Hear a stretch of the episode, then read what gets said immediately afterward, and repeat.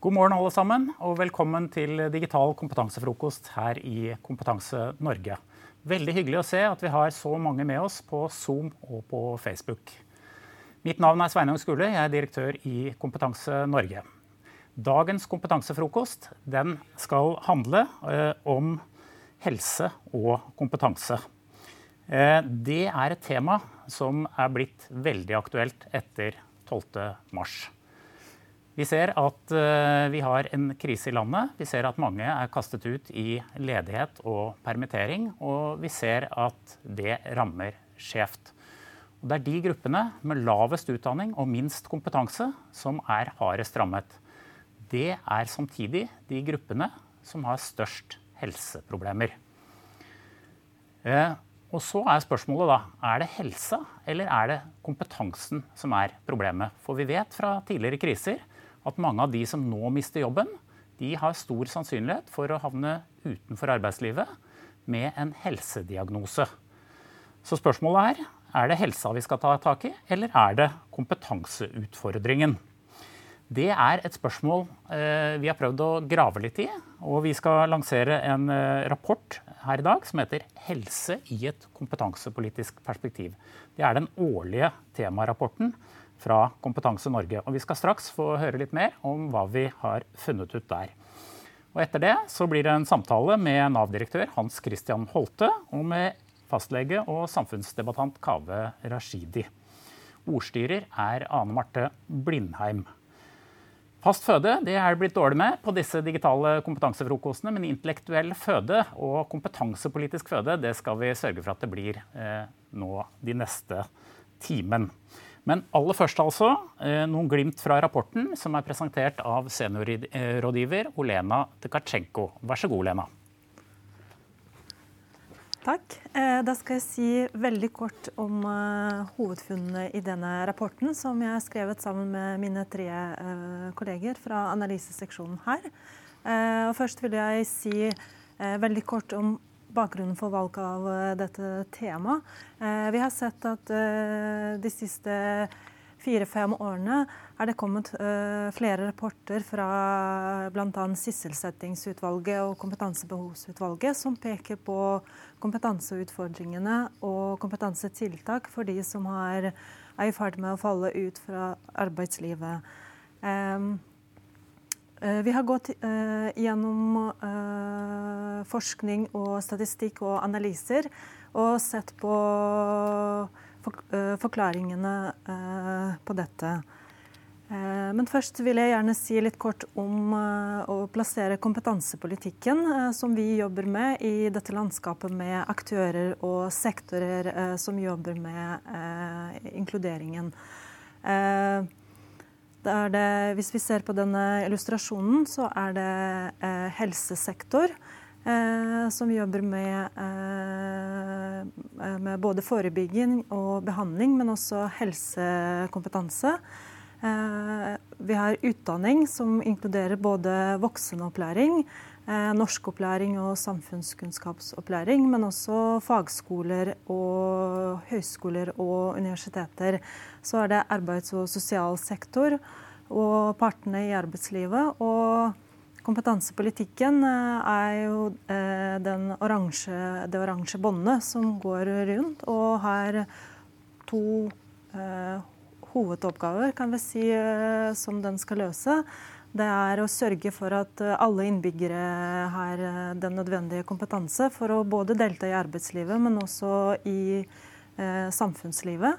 Eh, og så det å tette kompetansegapet mellom det arbeidslivet trenger, og det innbyggerne og arbeidstakerne faktisk har. Um, eh, og når vi har sett på forskning og rapporter om eh, dette temaet, så ser vi at eh, det, det, handler veldig mye om formell kompetanse, som er veldig viktig i arbeidslivet. Men kompetanse kan også være i mange andre former, og som har blitt, noen av dem er i større grad etterspurt i arbeidslivet og i samfunnslivet. Grunnleggende ferdigheter, lese, skrive, skriving og regning er viktige for å blitt viktigere og viktigere i dagens arbeidsliv. Helsekompetanse, som helsesektor jobber med, med å få informasjon om helse, sånn at innbyggere kan omdanne det til gode valg, som henger igjen med gode grunnleggende ferdigheter. Vi jobber veldig mye med karrierekompetanse. Som handler om kunnskap og om det å mestre forandringer i livet. Og for de som har helseutfordringer, Eh, så handler det om å mestre de store og små overganger og det som skjer med helsen og endringer i karrieren.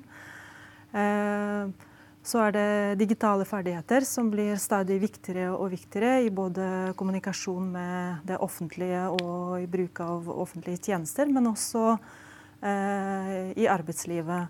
Eh, så peker noen av de rapportene som vi har sett på, at sosiale og emosjonelle ferdigheter som kommunikasjon, samarbeid, eh, planmessighet blir viktigere og viktigere i arbeidslivet.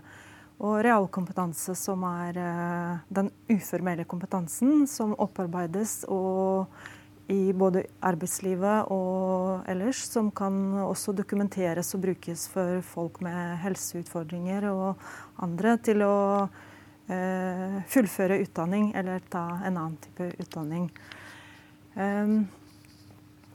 Vi har sett at eh, det finnes mange ulike forklaringer om eh, hvordan helse og kompetanse henger sammen. Og det er veldig kompliserte årsakssammenhenger. Og det er sånn at personer som har lite utdanning, svake norskkunnskaper, har større risiko for å havne utenfor arbeidslivet. Men det er også sånn at de eh, har jobber som sliter mer på helse.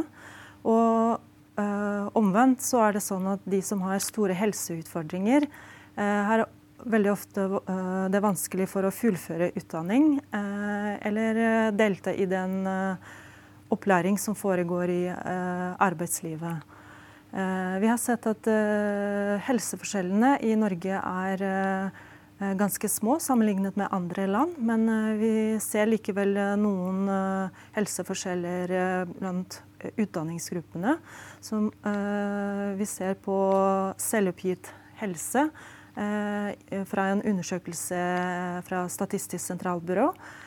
Hvor 87% av de med høyskole- og universitetsutdanning og oppgir at de rapporterer om god helse. Og det er noe lavere blant de som har eh, videregående utdanning.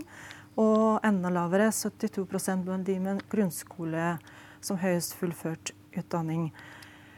Eh, en annen måte å se på eh, betydningen av kompetanse og forskjellene, er å se på mottak av helserelaterte ytelser og, eh, vi ser, og utdanningsnivået der. Og vi ser at eh, personer som har eh, høyskole- og universitetsutdanning, der er det 6% av de som mottar helserelaterte ytelser, og andelen nesten dobbelt så stor blant de som har videregående utdanning. Og en, enda flere, en, nesten en, over en tredjedel, som mottar helserelaterte ytelser blant de som har grunnskoleutdanning. Så har vi prøvd å se på hva er det som eh, forklarer eh, en så store forskjeller. Og eh, sett på forskning som bl.a. kom fra Frisch-senteret. Hvor de har sett på utviklingen på arbeidsmarkedet. Og de ser at de jobbene som Der hvor kravene til kompetanse er ikke så store. Eh, lite krav til formell kompetanse. Det er blitt færre av de jobbene. Og at eh, det er større konkurranse om de, om de jobbene. Eh, så noe av forklaringen eh, ligger i at det er blitt gråsoner mellom det som er kompetanseproblemer og helseproblemer. Og noe av den helseproblematikken kan være skjult ledighetsproblem. Eh, hvis vi ser på denne figuren eh, som viser eh, hvordan status til de som har blitt arbeidsledige i 2012, har endret seg eh, fram til 2018 og fordelt på ulike utdanningsnivåene. Da ser vi at eh, de røde søllene, som viser andel som har kommet seg i jobb, og da er det større og større andel fram til 2018. Men da ser vi at det er mange flere med, av de som har høyskole- og universitetsutdanning, som kommer seg i jobb etter hvert. sammenlignet med de som har videregående utdanning og grunnskoleutdanning. Hvis vi ser på de svarte sølene, eh, så viser den mottak av helserelaterte ytelser. Og da ser vi også uh, store forskjeller etter utdanningsnivået. Så de som mottar, uh, de som mottar har grunnskoleutdanning, det er mange flere som etter hvert blir syke og mottar helserelaterte ytelser, enn de som har mer utdanning.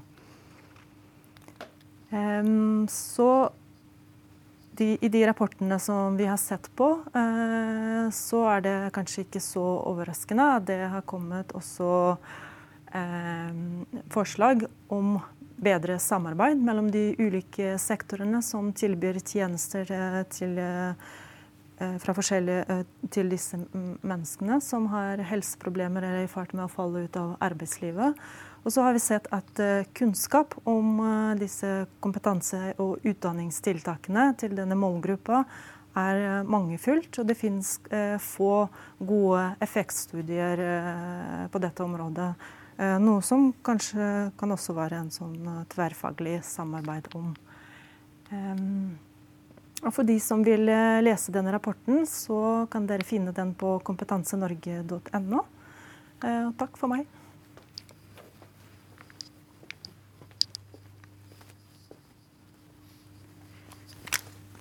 Takk til eh, Olena for presentasjonen av kunnskapsrapporten. Eh, da har vi fått et eh, panel her som skal gå enda mer i dybden med oss om alle disse temaene.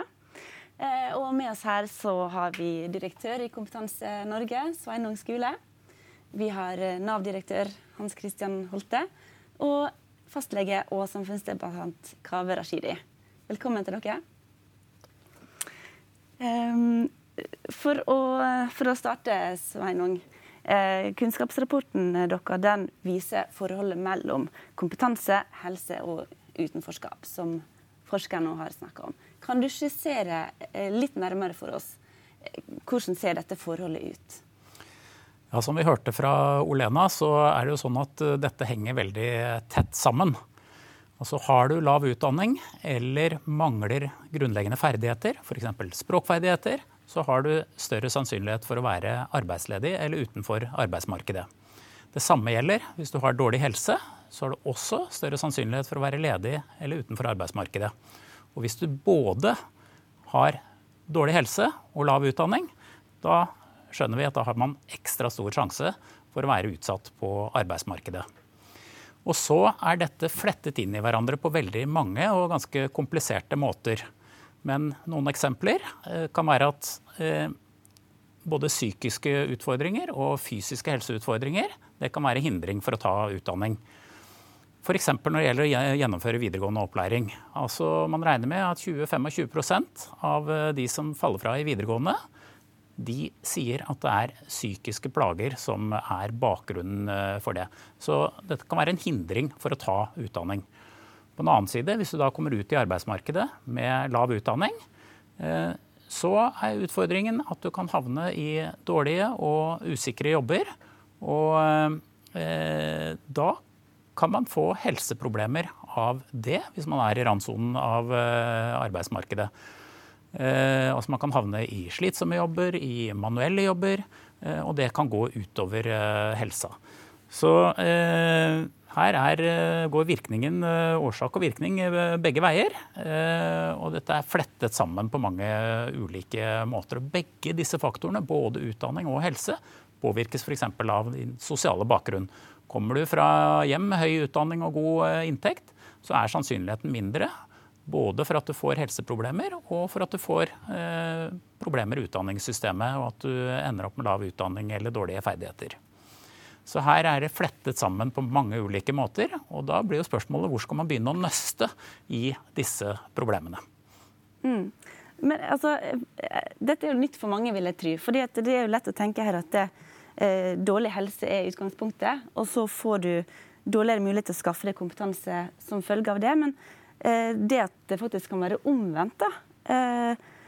Altså, betyr det at folk kanskje ikke er så syke som, som det kan se til på statistikkene? Det kan godt hende at de er syke, men det er en del forskning da, som tyder på at eh, faren, eller sjansen for at de eh, blir syke, hadde vært mindre hvis de hadde hatt uh, bedre kompetanse. Det er ikke det at de ikke har helseproblemer, men det er spørsmål om uh, hva som kommer først. Og noen ganger så er det kompetanseproblemet som uh, kommer først, som gjør at du havner i dårlige jobber eller i randsonen av arbeidsmarkedet, og så følger det helseproblemer av det. Så her går det begge veier. Hva er dette høres ut som noe du ofte engasjerer deg i. Ja, er det gjenkjennelig for det du, du, ser i din hverdag som, som fastlege? Absolutt. For det man må huske på, da, er at når noen får helserelaterte ytelser, eller når noen er syke eh, og derfor får sykepenger, ufør eller eh, AAP, så handler ikke det bare om deres sykdom eller deres helse. Eh, egentlig så er sykdommen din ganske irrelevant. Det handler om arbeidsevnen din. Hvor store muligheter har du som menneske til tross for sykdommen din til å gjøre noe arbeid i samfunnet som, som er inntektsgivende? Og Hvis man da har en type kompetanse i bånn som kan brukes veldig bredt, så er det veldig mye mer man får brukt den, den delen av helse man har igjen til. da. Hvis man f.eks. kun kan drive fysisk arbeid fordi man ikke har eh, gode språklige ferdigheter eller skal man si en typisk eh, fagsterk utdanning, men en mer en praktisk utdanning, eh, så sliter man jo hvis man får vonde ledd, hvis man får vonde muskler, de, de, vanligste tingene som folk flest sliter med. Eh, for det er jo ikke sånn at jeg som lege bestemmer jo ikke at du skal være sykemeldt. Jeg bestemmer egentlig bare arbeidsevnen din. Eh, og da må jeg se, se, den arbeidsevnen i forhold til hvilke yrker som finnes der ute som er potensielle yrker for deg. Så det er veldig mye lettere for meg uh, i møte med mennesker med bred kompetanse. For da kan jeg se at Ok, Du har en brukket arm. betyr ingenting. Du kan få lov til å jobbe med det og det og det. Og i hvert fall når man får kroniske, langvarige sykdommer, så er det mye enklere tror jeg, for Nav å kunne omskolere mennesker og bruke de, eh, bruke de positive delene av kompetansen de har, til tross for sykdom. da. Mm.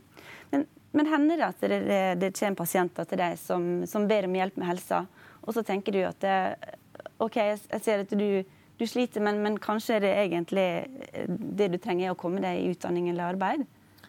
Ja, det, det er jo nesten alltid tilfellet. For det, det finnes jo nesten ingen sykdom som gjør at man er totalt arbeidsufør eh, egentlig, sånn på tvers av samfunnets arbeidsoppgaver.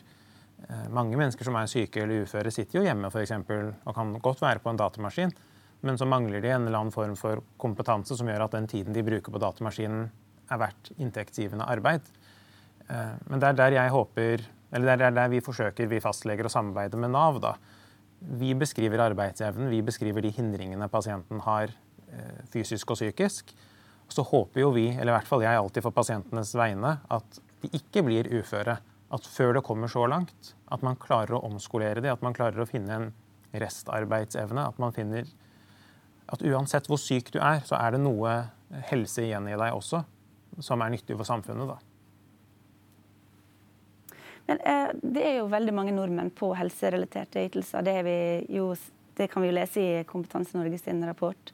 Eh, kan det være sånn at eh, legene også eh, får lett tyr til sykemeldinger, f.eks., når det kanskje det er en, en, annen medisin som skulle vært eh, foreskrevet? Ja, det, det, vil jeg tro ofte er tilfellet. Litt fordi det er veldig lett å sykemelde noen. Det er jo bare noen tastetrykk, og så har du fjernet problemet fra fastlegekontoret, på en måte. Eh, heller enn å gjøre de mer, ta de mer vanskelige samtalene, de mer eh, kinkige måtene å løse det på. Eh, men samtidig så er det jo også ikke så veldig mye opp til oss hva vi kan og ikke kan sykemelde. Fordi konseptet arbeidsevne ligger mest, mer hos pasienten enn hos oss. Og veldig mange av våre sykemeldinger handler jo om muskel-skjelettplager, om psykiske plager, om ting som er subjektive opplevelser og erfaringer fra pasientens side. Så når en pasient kommer til meg og sier at vet du hva, jeg, klarer ikke å stå i den jobben her nå, enten det er pga. Øh, vonde skuldre, pga. belastninger hjemme, så kan jo ikke jeg si nei, du, jeg har ikke noe objektivt funn på en prøve, så du må gå i arbeid. Sånn sett så har ikke jeg eh, makten da, til å friskmelde mennesker. Jeg kan bare noen ganger attestere for det de sier er deres belastninger. Eh, og så går det jo en seks, syv, åtte uker, så får vi arbeidsgivere på banen. Men det er ikke alltid at det hjelper så veldig mye. For hvis arbeidsgiveren ikke har muligheten til å bruke arbeidstakeren til noe annet enn den ene enkle oppgaven som deres kompetanse tillater dem å gjøre, så sitter man litt i klistra. Da. Da, da kan ikke den personen gjøre den jobben, og så går det fort et år med sykemelding. Um, ja, folk sitter litt, litt fort i, i, klisteret her, eh, Hans Christian Hørvi. Altså, hvordan ser dere på, på funnene til Kompetanse Norge her? Er dette noe som dere kjenner dere igjen i? Ja, det, det er det. Eh, og så vil jeg begynne med å si at jeg, det er jo litt sånn på en måte en drømme, drømmesetup for meg som Nav-direktør å sitte her med Sveinung på den ene siden og, og Kave på den andre. Fordi jeg syns eh, de, bare de to innleggene som de har, eller de to liksom, kommentarene de har hatt nå, de, de viser eh, hvor tett sammenhengen er eh, mellom kanskje tre sånne hovedelementer vi snakker om her, nemlig helse, kompetanse, arbeidsevne. Eh, og det er klart det er veldig viktig for Nav. Sånn at eh, vi har nok eh, de samme, de, den samme forskningen og de samme vurderingene av hvor tett dette henger sammen. Og at det kan gå begge veier, som Sveinung er inne på her. Og at det er et subjektivt element, som, som Kava er inne på. Og da er det klart det er mange av de veiledningssituasjonene som, eh, som, vi har eh, med, med arbeidssøkere, det er, det er, litt sånn sammensatte situasjoner hvor noe kan være et helseelement, noe kan være et kompetansebehov, noe kan være på en måte å finne hva slags type arbeidsoppgaver er tilgjengelig, og hva, hva er mulig å, å bruke her eller var, var, på en måte mulig for den, eh, den brukeren å, å, gå inn i arbeidsoppgaver. Så at det er eh, Jeg vil i hvert fall bare begynne med litt sånn, program, sånn programerklæring nærmest og si at jeg tror Nav kan samarbeide tettere, og bør samarbeide tettere, med både eh, utdanningssiden, kompetansemiljøer, Eh, og også helsesiden for å, å, lykkes enda bedre med å få, få folk eh, ja, primært, som Kaveh sier, få de tilbake i arbeid. Eh, og få så god avklaring i de tilfellene hvor man ikke kan gå tilbake i arbeid. Det regner med dere noterer da, Sveinung, at dere har Nav-direktøren med dere? Det er veldig bra. Det er jeg veldig glad for. Det deler jeg synet fullt ut på. I år bare i år, nå i koronakrisen, så har eh, regjeringen altså satt av 1,6 milliarder eh, kroner til utdannings- og opplæringstiltak eh, som er retta mot ledige. Det er på en måte kanalisert gjennom Kunnskapsdepartementet, et system, gjennom universiteter og høyskoler og fagskoler og fylkeskommuner for å nå fram til de ledige. Men har ikke kontroll på de ledige. De ledige fins jo, og de som er permittert, fins jo hos uh, Hans Christian. Og disse systemene må finne hverandre, rett og slett. Ja, så det, det som eh, kanskje var litt oppsiktsvekkende, i hvert fall for meg da, som er utenforstående, det er jo det at eh, eh, forskerne forteller jo rett ut her at det kan skjule seg arbeidsledighet i helseytelsene. Eh, altså Det høres ut som et eh, systemproblem. Eh, gir vi folk feil medisin? Jeg, altså jeg, jeg, tenker jo at det er eh, Jeg tror det er veldig mange situasjoner hvor eh, på en måte denne balansegangen, eller dette dilemmaet nærmest, da, mellom, mellom eh, altså Hvor det er, eh, det er, som Kaveh sier her, det er, en, det er en arbeidsevne, men det er også kanskje vanskelig å se hvordan den arbeidsevnen kan bli brukt. Eh, og så er, det, eh, så er det også et eh, spørsmål om livsopphold. ikke sant? Dette er personer som også er opptatt av å få en økonomisk trygghet i tilværelsen sin. Så at det er, det er, hvis vi ser kanskje særlig der hvor eh, avklaringene skjer, eh, og hvor, hvor, jeg tenker det er så veldig sammensatte vurderinger som må gjøres av mange instanser. Det er jo i forbindelse med arbeidsavklaringspenger og arbeidsavklaringsperioden. Altså den, den, prosessen som er i Nav for å avklare arbeidsevne og se på de mulighetene. Det, er, det ser vi bare av samfunnsdebatten, og det er en, det er en krevende øvelse å lykkes godt med eh, for samfunnet. Og altså hjelpe personer som av en eller annen grunn eh, har falt ut av arbeidslivet og kanskje har en helseutfordring, og hjelpe dem tilbake eh, i så stor grad som mulig. Da. Eh, og da tror jeg mye ligger på bedre kommunikasjon mellom sentrale deler av, eh, av, det offentlige. Sånn som Sveinung var inne på, så er det utfordringer knytta til utveksling av informasjon. Eh, det er også utfordringer knytta til eh, rett og slett eh, ja, IT-løsninger som gjør at dette henger godt nok sammen. Og så tror jeg også det er noe med eh, rett og slett eh, vår egen evne i Nav og i andre steder til å se bredt nok på en måte, eh, og trekke inn de, de ulike perspektivene. og ikke, ikke dette, er, dette, er, også eh, masseforvaltning. Det er veldig mange mennesker, det er veldig mange situasjoner. Noe av det jeg vil være opptatt av i, på Navs vegne, er jo at vi hele tiden eh, liksom aldri glipper på det å gjøre de gode individuelle vurderingene, fordi det er så mange ulike situasjoner. Det er så mange ulike helseutfordringer, det er så mange ulike arbeidslivssettinger. Eh, og også for så vidt subjektive oppfatninger eh, av hvordan, eh, hvordan, situasjonen er for den enkelte. Mm.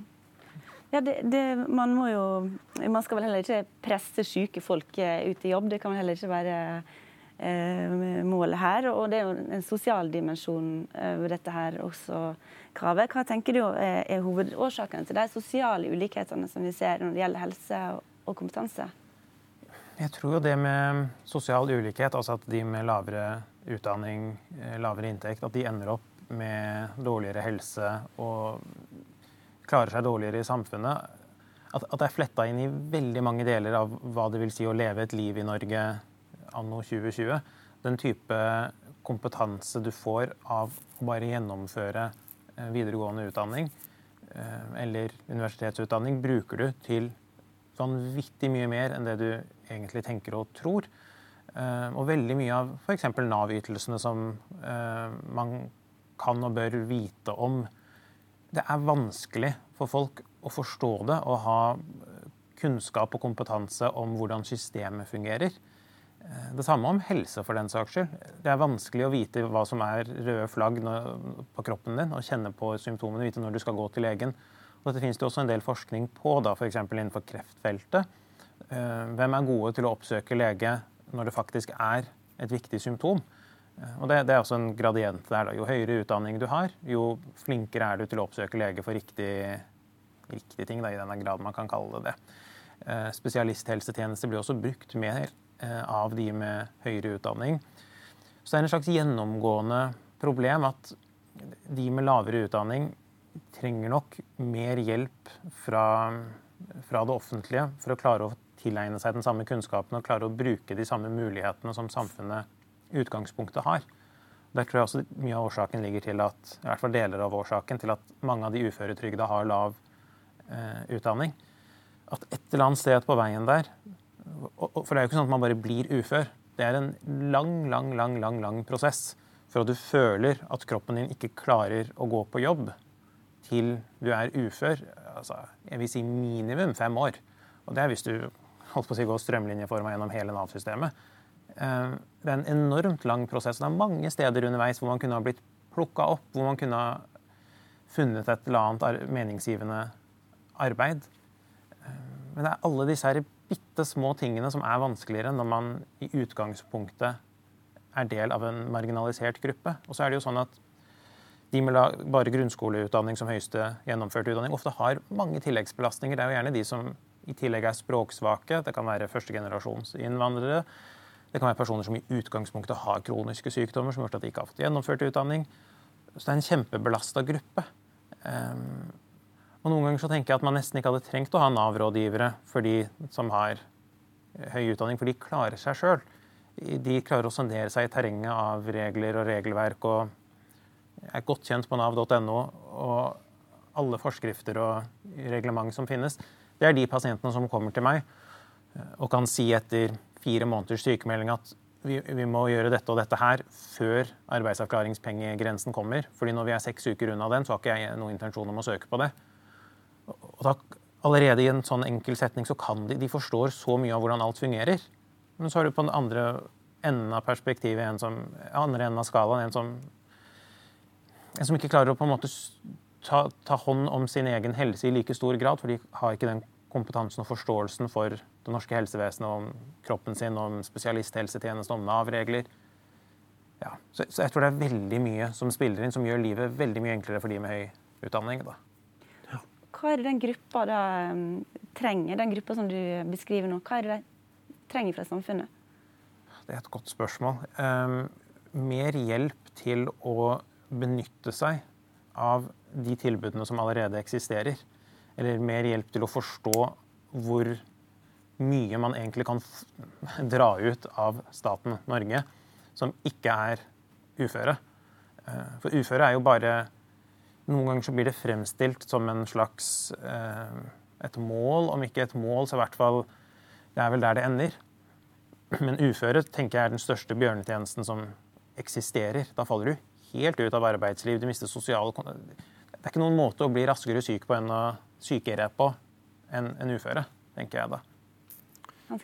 Ja, nei, det er, det er, et veldig spennende tema. og jeg, De to gruppene som Kaveh snakker om, tror jeg også denne situasjonen som vi er i nå, eh, så ser vi jo hvordan det også, også treffer oss. da. Eh, hvor vi, vi, så det under oljekrisa i Stavanger for noen år siden, vi, eller på Vestlandet. Og vi, vi, ser det nå med koronasituasjonen, at det kommer inn et stort volum eh, som, som, på en måte treffer oss, da, som treffer Nav-systemet. Eh, som kanskje er mye mer eh, skodd til eh, å orientere seg i dette systemet enn, enn det vanligvis er. Og En utfordring for oss da, det er jo å holde fast ved oppfølgingen av de gruppene som nettopp som Kave snakker om, som trenger, eh, som trenger bedre oppfølging. Eh, og, og, noe av det som eh, altså Et eksempel på en viktig gruppe eh, hvor, hvor, jeg tenker en uføre en, en uførekonklusjon skal sitte langt inne ikke, altså Av og til er det riktig, men skal sitte langt inne, er jo nettopp de mange unge som vi ser er, faller ut av arbeidsmarkedet, faller ut av utdanningen. så er det, så er det sånn f.eks. mange eh, psykiske lidelser som, som, ligger i den gruppa. Lettere psykiske lidelser til dels. Hvor nettopp å tenke kompetanse og arbeids Eh, altså eh, kvalifisering til arbeidslivet, da, eh, tenker det er veldig viktig. Og, og, Noe av det som jo nå ligger der i koronasituasjonen, er at det er mulig å kombinere f.eks. Eh, dagpenger i en permitteringssituasjon med, eh, med videre kompetanseutvikling, eh, altså med, med, en type utdanning. Det er en sånn eh, si spesiell regel som ligger her nå i, i denne koronasituasjonen. Eh, og det tror jeg kan være viktig nettopp fordi vi ser jo også Vi er, vi er litt bekymret for det er, jo, det er jo i utgangspunktet en positiv sak at man får en utvidet permitteringsperiode. Samtidig så ser vi at eh, det er en fare for at de som er permittert, de blir, de blir litt passive. De har på en måte en arbeidsgiver eh, som de kanskje kommer tilbake til. Eh, men det kan også være en passivisering som ligger i en sånn permitteringsperiode. Så det å bruke den for unge mennesker, bruke den permitteringsperioden også til eh, altså få noe mer kvalifisering, det, det, tror vi er viktig. Mm. Vi, må, vi, må, snakke litt om arbeidsmarkedet. Nå er vi i en veldig spesiell situasjon med, med korona. Eh, men vi er også et, eh, et, litt spesielt arbeidsmarked her i Norge. Med høy grad av teknologisering og høy kompetanse. Kan du, kan du si litt mer om det? Hva er det som gjør det norske arbeidsmarkedet spesielt? Ja, det er, jo, det er jo, et veldig eh, digitalt samfunn som du er inne på. Eh, og det som er et sånn som ikke er noe sånn rocket science i det hele tatt, men som er veldig åpenbart, er jo at eh, behovet for kompetanse knytta til en sånn videre digital eh, transformasjon av samfunnet, da, det, det, vil være der. Og det vil også treffe mange av dagens uh, yrkesgrupper at det blir, en, uh, det blir, et mer digitalt samfunn. Så det er liksom hele den, den biten der. Uh, og så ser vi jo at vi har gjennomgående mangel på arbeidskraft som har vart i en ganske lang periode knytta til helse, pleie og omsorg. Det er sektorer som trenger, ikke bare nå i denne situasjonen, men generelt trenger. ingeniør- og IKT-fag. Vi ser jo at vi, vi um, ja, vi må jobbe med å få god rekruttering eh, på de, de, områdene der. Eh, men ellers så er det også relativt sterke likhetstrekk med, med altså OECD. Snittet generelt på, på, det norske arbeidsmarkedet på, på ganske mange punkter. Er det sånn du oppfatter det, Sveinung? Ja, det er det absolutt. Vi i Kompetanse Norge har hatt ansvaret for noe som heter Kompetansebehovsutvalget, som har sett på trendene i utviklingen av kompetansebehovene. Det er nettopp de tingene som Hans Christian eh, nevner. Altså digitalisering, behov for IKT-kompetanse, behov for helsekompetanse. Men også eh, behov for fagarbeidere, f.eks. Eh, innenfor eh, bygg og anlegg. Så Norge kommer til å trenge mange fagarbeidere. Så det er ikke bare høye utdanninger og spisskompetanse man trenger. Uh, og det er uh, en veldig viktig vei å gå for mange av de som uh, er i de gruppene som Kave nevnte, tror jeg. Det å få seg et fagbrev, det er ganske bra vei å gå på arbeidsmarkedet. Og ellers så er det litt sånn spesielt i Norge dette med at eh, arbeidsmarkedet krever kompetanse. og Det har sammenheng med at vi har ganske høye lønninger, også på de laveste nivåene. Og for å forsvare de lønningene, så må folk være produktive. Hvis ikke du er fullt ut produktiv, hvis du sliter litt med helsa, hvis du har litt dårlig kompetanse, så havner du raskere på utsiden av arbeidsmarkedet enn f.eks. i USA, hvor det finnes mange veldig lavt betalte, veldig dårlige jobber men det er tross alt jobber. Eh, men de, de, har mindre krav til produktivitet. Så det kjennetegner på en måte den norske modellen, eh, det norske velferdssamfunnet, at eh, det er ganske høyt lønnsnivå i bånn, og dermed høye produktivitetskrav og høye kompetansekrav. Så Det fører til mer fare for utstøting for de som har litt helseproblemer, eller som har litt problemer med kompetansen. Um, dette med at kompetansekravene endrer seg og er høye, det er også veldig viktig at vi opplyser folk om. Eh, og der tror jeg vi kan eh, komme lenger i Norge. De fleste, eh, selv om de ikke kjenner alle ordninger rundt sykelønn og alt mulig sånne ting, så vet de fleste at de har en fastlege de kan gå til hvis de er syke. Så hvis du sliter med helsa, så har du et sted å gå. Men hvis du sliter litt med kompetansen, så er det ikke så opplagt hvem er det du skal gå til. Hvis du er blitt ledig, ja, da har du Nav. De skal også hjelpe deg med kompetansen. Men helst så skulle vi starta litt før, mens folk er i arbeidslivet før de havner utenfor. Da har vi bl.a. noe som heter karriereveiledning, som kan bidra til å opplyse deg om hva er kompetansebehovene framover, og samtidig hjelpe deg til å finne ut av eh, hva er det du egner eh, deg til? Hvilken eh, kompetanse har du som du kan bygge videre på i et eller annet uh, yrke? Så alle fylker har karriereveiledningssentre. Og i Kompetanse Norge så har vi også en egen nasjonal e-veiledningstjeneste. Der kan du chatte anonymt, hvis du vil, med karriereveilederen. Så det er gratis offentlig karriereveiledning. Det er et ganske godt tilbud. Det tror jeg er et tilbud som f.eks. fastlegene kanskje ikke kjenner så godt til. Eh, kanskje kunne de nevnt det for noen av de pasientene som kommer og sliter litt, og hvis fastlegene får eh, mistanke om at eh, ja, her er det ikke bare sykdom. Det kan hende at du har en kompetanse som ikke er så anvendbar. Det kan hende at du sliter litt på arbeidsplassen fordi du eh, mangler noe av det som arbeidsmarkedet etterspør. Så jeg tror vi må gjøre det mer kjent, det at det fins eh, sånne muligheter. Og så er det også veldig mange som ikke kjenner til at de har f.eks. rett til videregående skole. Altså Hvis du mangler videregående opplæring eh, og ikke har gjennomført et løp tidligere, så har du det rett. Det er, eh, det er rettigheter som vi må opplyse folk om. Så det fins mange sånne muligheter. Og dette er det som du kaller for kompetansepolitiske tiltak. Det er disse tingene her? Jo, det er helt riktig. Eh, det er, det er, en del sånne kompetansepolitiske virkemidler som vi kan bruke og som vi kan sette inn før det går helt gærent. Før folk blir uføretrygdet før de blir arbeidsledige og kommer eh, til Nav. Så Det er også, også, veldig viktig. Opplæring i norsk og samfunnskunnskap for innvandrere er også en av de tiltakene som, eh, retter seg mot noen av de gruppene som Kave nevnte. Men så tror jeg også at arbeidsgivere har en veldig viktig rolle å spille her. Mange norske arbeidsgivere er flinke til å sørge for at de ansatte får kompetanse. Eh, men noen av de gruppene som har lavest utdanning, og som kanskje har litt helseproblemer eh, i tillegg, der er nok systemene litt sånn at det kan være litt lettere eh, å gå den veien med sykelønn, selv om det er langt løp, kanskje ende opp med uføretrygd, enn det å ta tak i kompetansen. Så for arbeidsgiver så kan det være litt lettvint å bli kvitt folk, for å kalle det det. For de vet at, eh, at det går an å, å, sende folk til fastlegen og, og få sykelønn.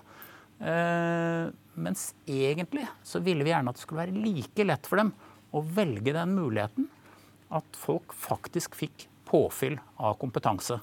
Vi har f.eks. et program som heter Kompetanse pluss, eh, som gir muligheter til eh, grunnleggende opplæring i grunnleggende ferdigheter på arbeidsplassen. Da kan du eh, få enten det er språkopplæring eller eh, du mangler lese- og skriveferdigheter. kan du få det på arbeidsplassen sammen med kollegaene dine. Eh, og dermed hindre at du kanskje begynner på et sånt løp utenfor arbeidsmarkedet. Men, men kanskje er det litt sånn. Det er litt lettere å velge sykeløpet enn å velge kompetanseløpet. Vi er vridd litt mer over eh, mot kompetanse. Mm. Så kommer jeg litt nærmere inn på det etterpå. Men, men først, Kaveh. Er det en, eh, den samtalen som Sveinung skisserte først her, da, på, på, et fastlegekontor, er det en samtale som det er naturlig for, eh, for deg som lege å ta? Både ja og nei. Jeg tenker ja hvis man i det hele tatt mistenker at det kan bli et langt sykdomsforløp. Men jeg må jo innrømme at vi veldig ofte skyver den samtalen over til Nav. Eh, vi kan, hvis vi virkelig tar tak i det, skrive i kommentarfeltet på sykemeldingen her bør Nav ta tak og hjelpe pasienten med det og det og det.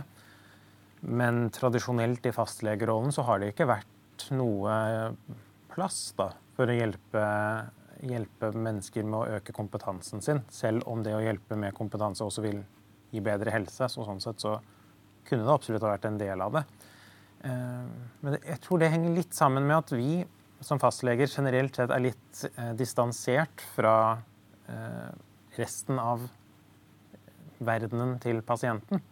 Så vi gjør en rask jobb med å si dette er sykdommen din, dette er hvordan jeg vurderer dine utsikter til bedring. Resten får du ta med Nav. Og så er vi på en måte fjernet fra det. Vi har et dialogmøte som er rundt jeg tror, uke 17-18 etter sykepengene begynner å løpe. Eh, der snakker vi alle arbeidsgiver, arbeidstaker, Nav og fastlege sammen. Men det er jo ikke store tingene som kommer ut av de møtene heller. Ideen er sikkert veldig fin, men det blir jo veldig mye formalia, og man går gjennom litt praktiske ting. Så at vi fastleger kunne hatt en viktigere rolle i å hjelpe mennesker i arbeid. Absolutt. Men ikke sånn som systemet er akkurat nå, da.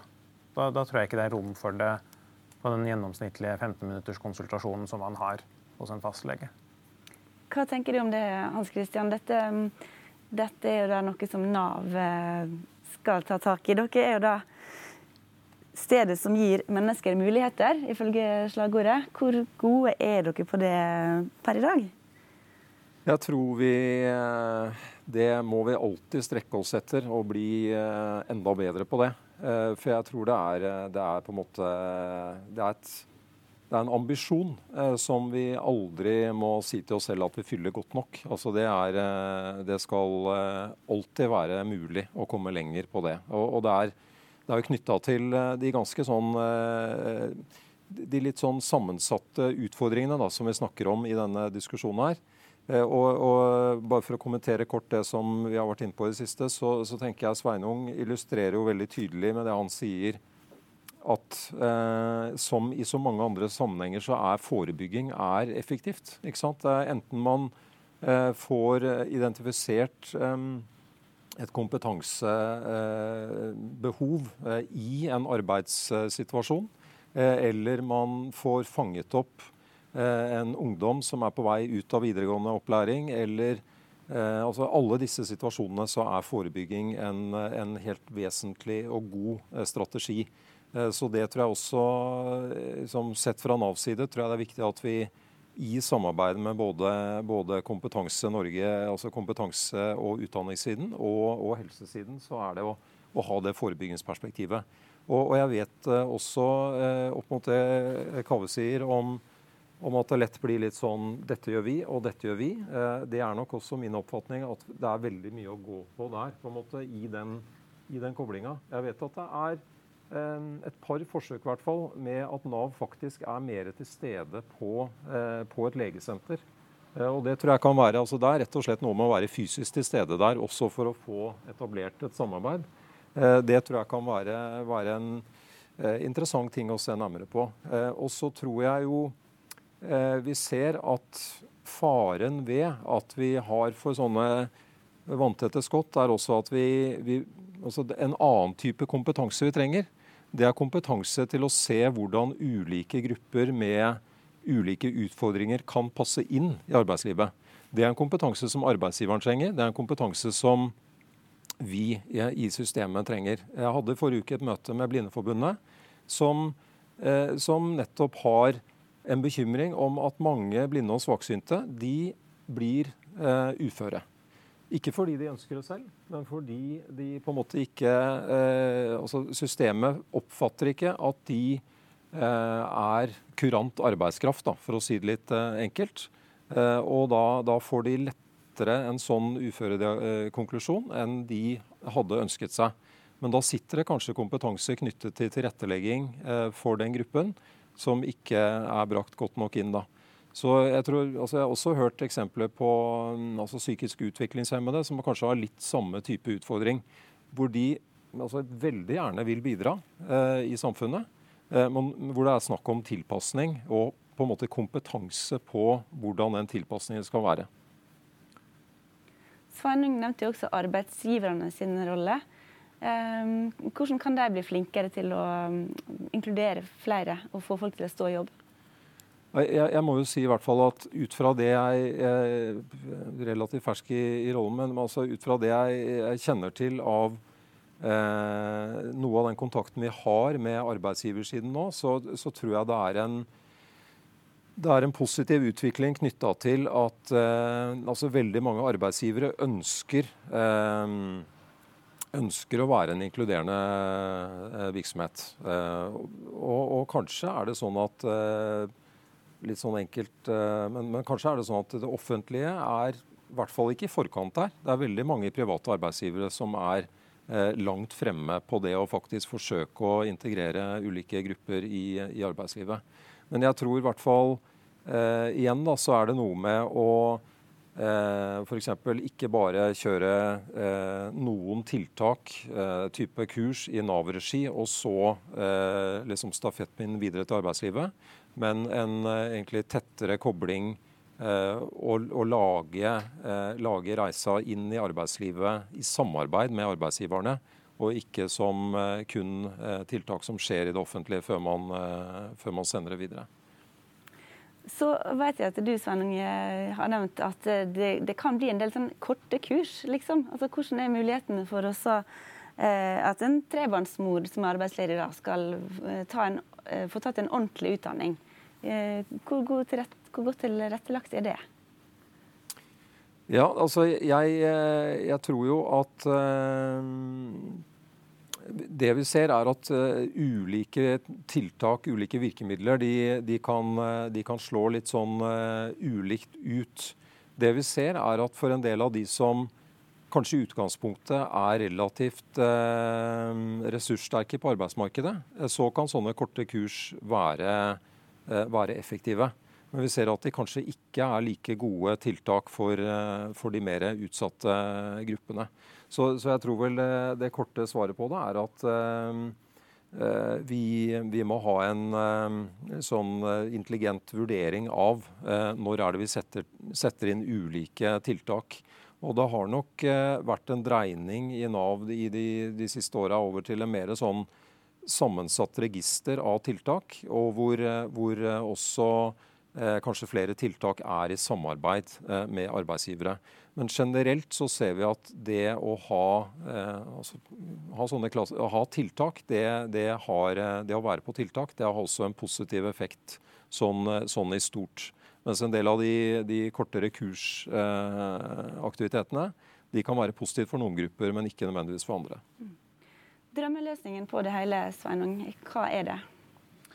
Ja, jeg tror at uh, drømmeløsningen Det er vel uh, noen punkter man kan uh, nevne der. Men det første er jo å starte med grunnutdanning. Ja, sørge for at alle kommer seg gjennom videregående. Det er veldig viktig. Det er veldig forebyggende. og så etter det så er det viktig å, å, sørge for at alle får muligheten til å lære hele livet og oppdatere kompetansen sin. Digitalisering er jo ikke noe som bare handler om de mest spisskompetente, men digitalisering påvirker nesten alle yrker. Alle yrker endrer innhold. Nesten alle må lære seg litt om data. Så at alle får muligheten til å lære hele livet, det tror jeg er uh, veldig viktig. Eh, så kanskje kan man, eh, hvis man har sliter med kompetansen, kanskje kan man få eh, sånn som man får i helsesystemet, kompetanse på blå resept. Du får muligheten for like gode økonomiske betingelser, like god veiledning som det du får på helsesiden. Her skal vi skrive ut et norskkurs på blå resept som er gratis for den enkelte, og hvor det fins en ytelse som gjør at du kan leve mens du tar det. Er det Hans Christian eller er det Kave som skal skrive ut denne, denne resepten? da? Det, det, kommer nok litt an på. Det er kanskje vanskelig å, å, å plukke ut én instans. Eh, hvis du er i arbeidslivet, så tror jeg jo arbeidsgiverne eh, må spille en rolle. Eh, hvis du er arbeidsledig, så må Nav helt klart spille en rolle. Og den ordningen som Hans Christian nevnte, med at du kan ta utdanning mens du går på dagpenger. Det har vært en veldig viktig ordning har vi sett i, eh, i, den perioden som har vært nå. Og som har gjort at mange av de ledige har fått muligheten til å melde seg på de kursene og de utdanningene som er spesielt tilrettelagt uh, for de ledige. Så det er en uh, veldig viktig ting. Og så er det viktig at arbeidsgiverne også, igjen forebyggende, har mulighet til å få levert god og tilpasset utdanning fra utdanningssystemet og Der også trenger vi et uh, tettere samspill. I dag så opplever arbeidsgiverne at utdanningssystemet er litt for lukket. Uh, så må, man må på en måte åpne opp, legge bedre til rette for, for uh, litt kortere, mer fleksible opplegg i utdanningssystemet, som er lett å kombinere med arbeid.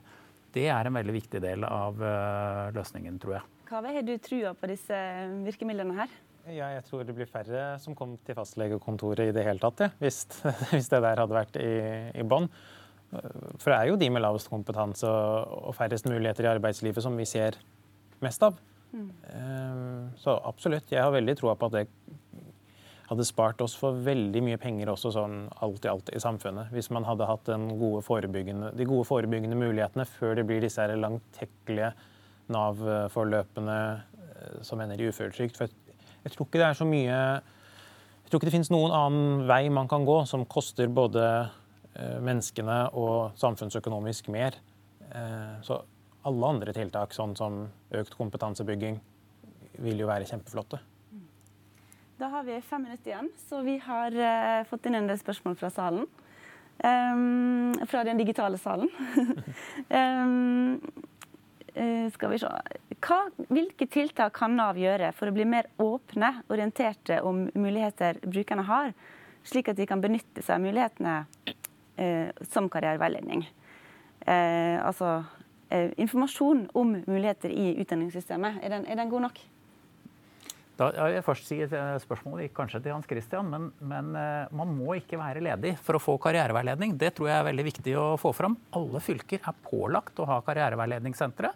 Vi i Kompetanse Norge har karriereveiledning.no. Der kan du gå, du får ligge masse informasjon der. Eh, og du kan få eh, snakke med en karriereveileder anonymt hvis du vil. Så, eh, så den muligheten fins. Vi trenger å få informasjonen ut. Mm.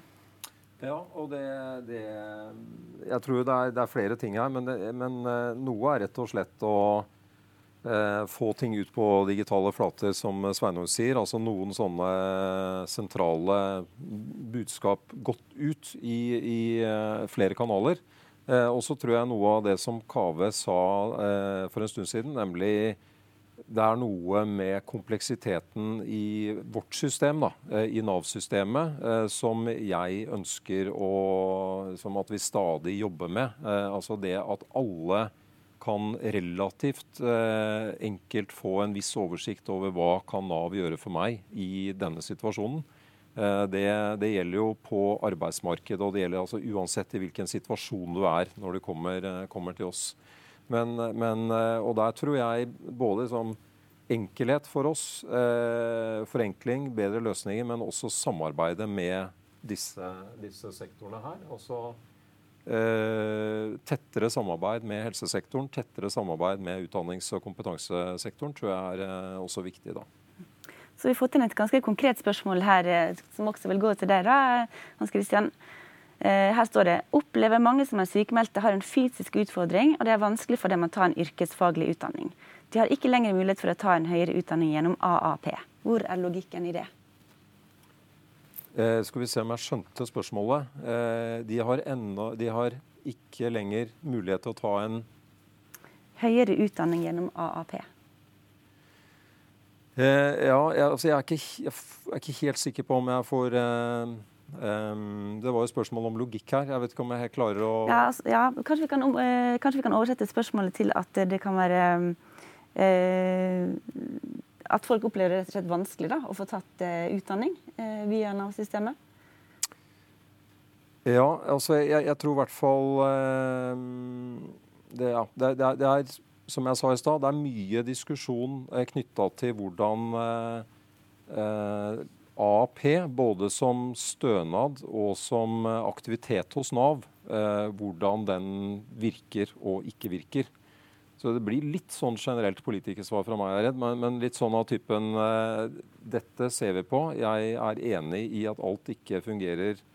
Uh, jeg, jeg, tror vi har en, mange eksempler på uh, at ikke vi får utnytta og jobba godt med akkurat eh, hvordan vi møter folk som er i den situasjonen. Mm. Det er, en, det er en, eh, en, gruppe som er i en sårbar situasjon, eh, og hvor det er mange spørsmål og kanskje få tydelige svar eh, mens man er i en sånn arbeidsavklaringsperiode.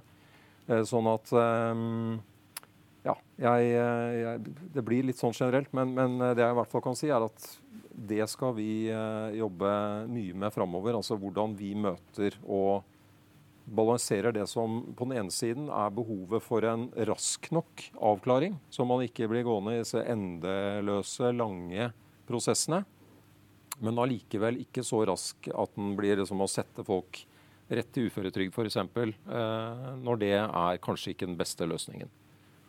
Da ser jeg at Vi rekker ett spørsmål til, og det skal, få, skal Kave få, eh, få svar på. Eh, det handler om forebygging av helseplager i arbeidslivet.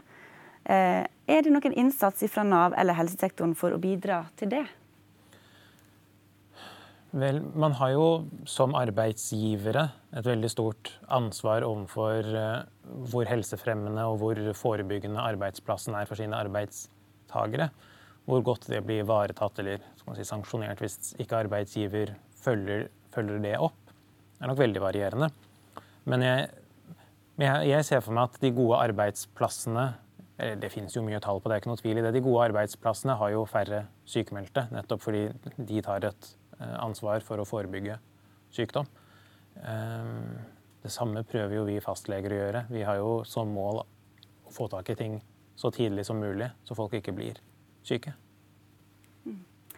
Det var det vi rakk fra panelet i dag. Tusen takk til dere for at dere stilte opp. Um, rapporten uh, om kompetanse og helse ligger på kompetansenorge.no for den som vil lese mer om dette temaet.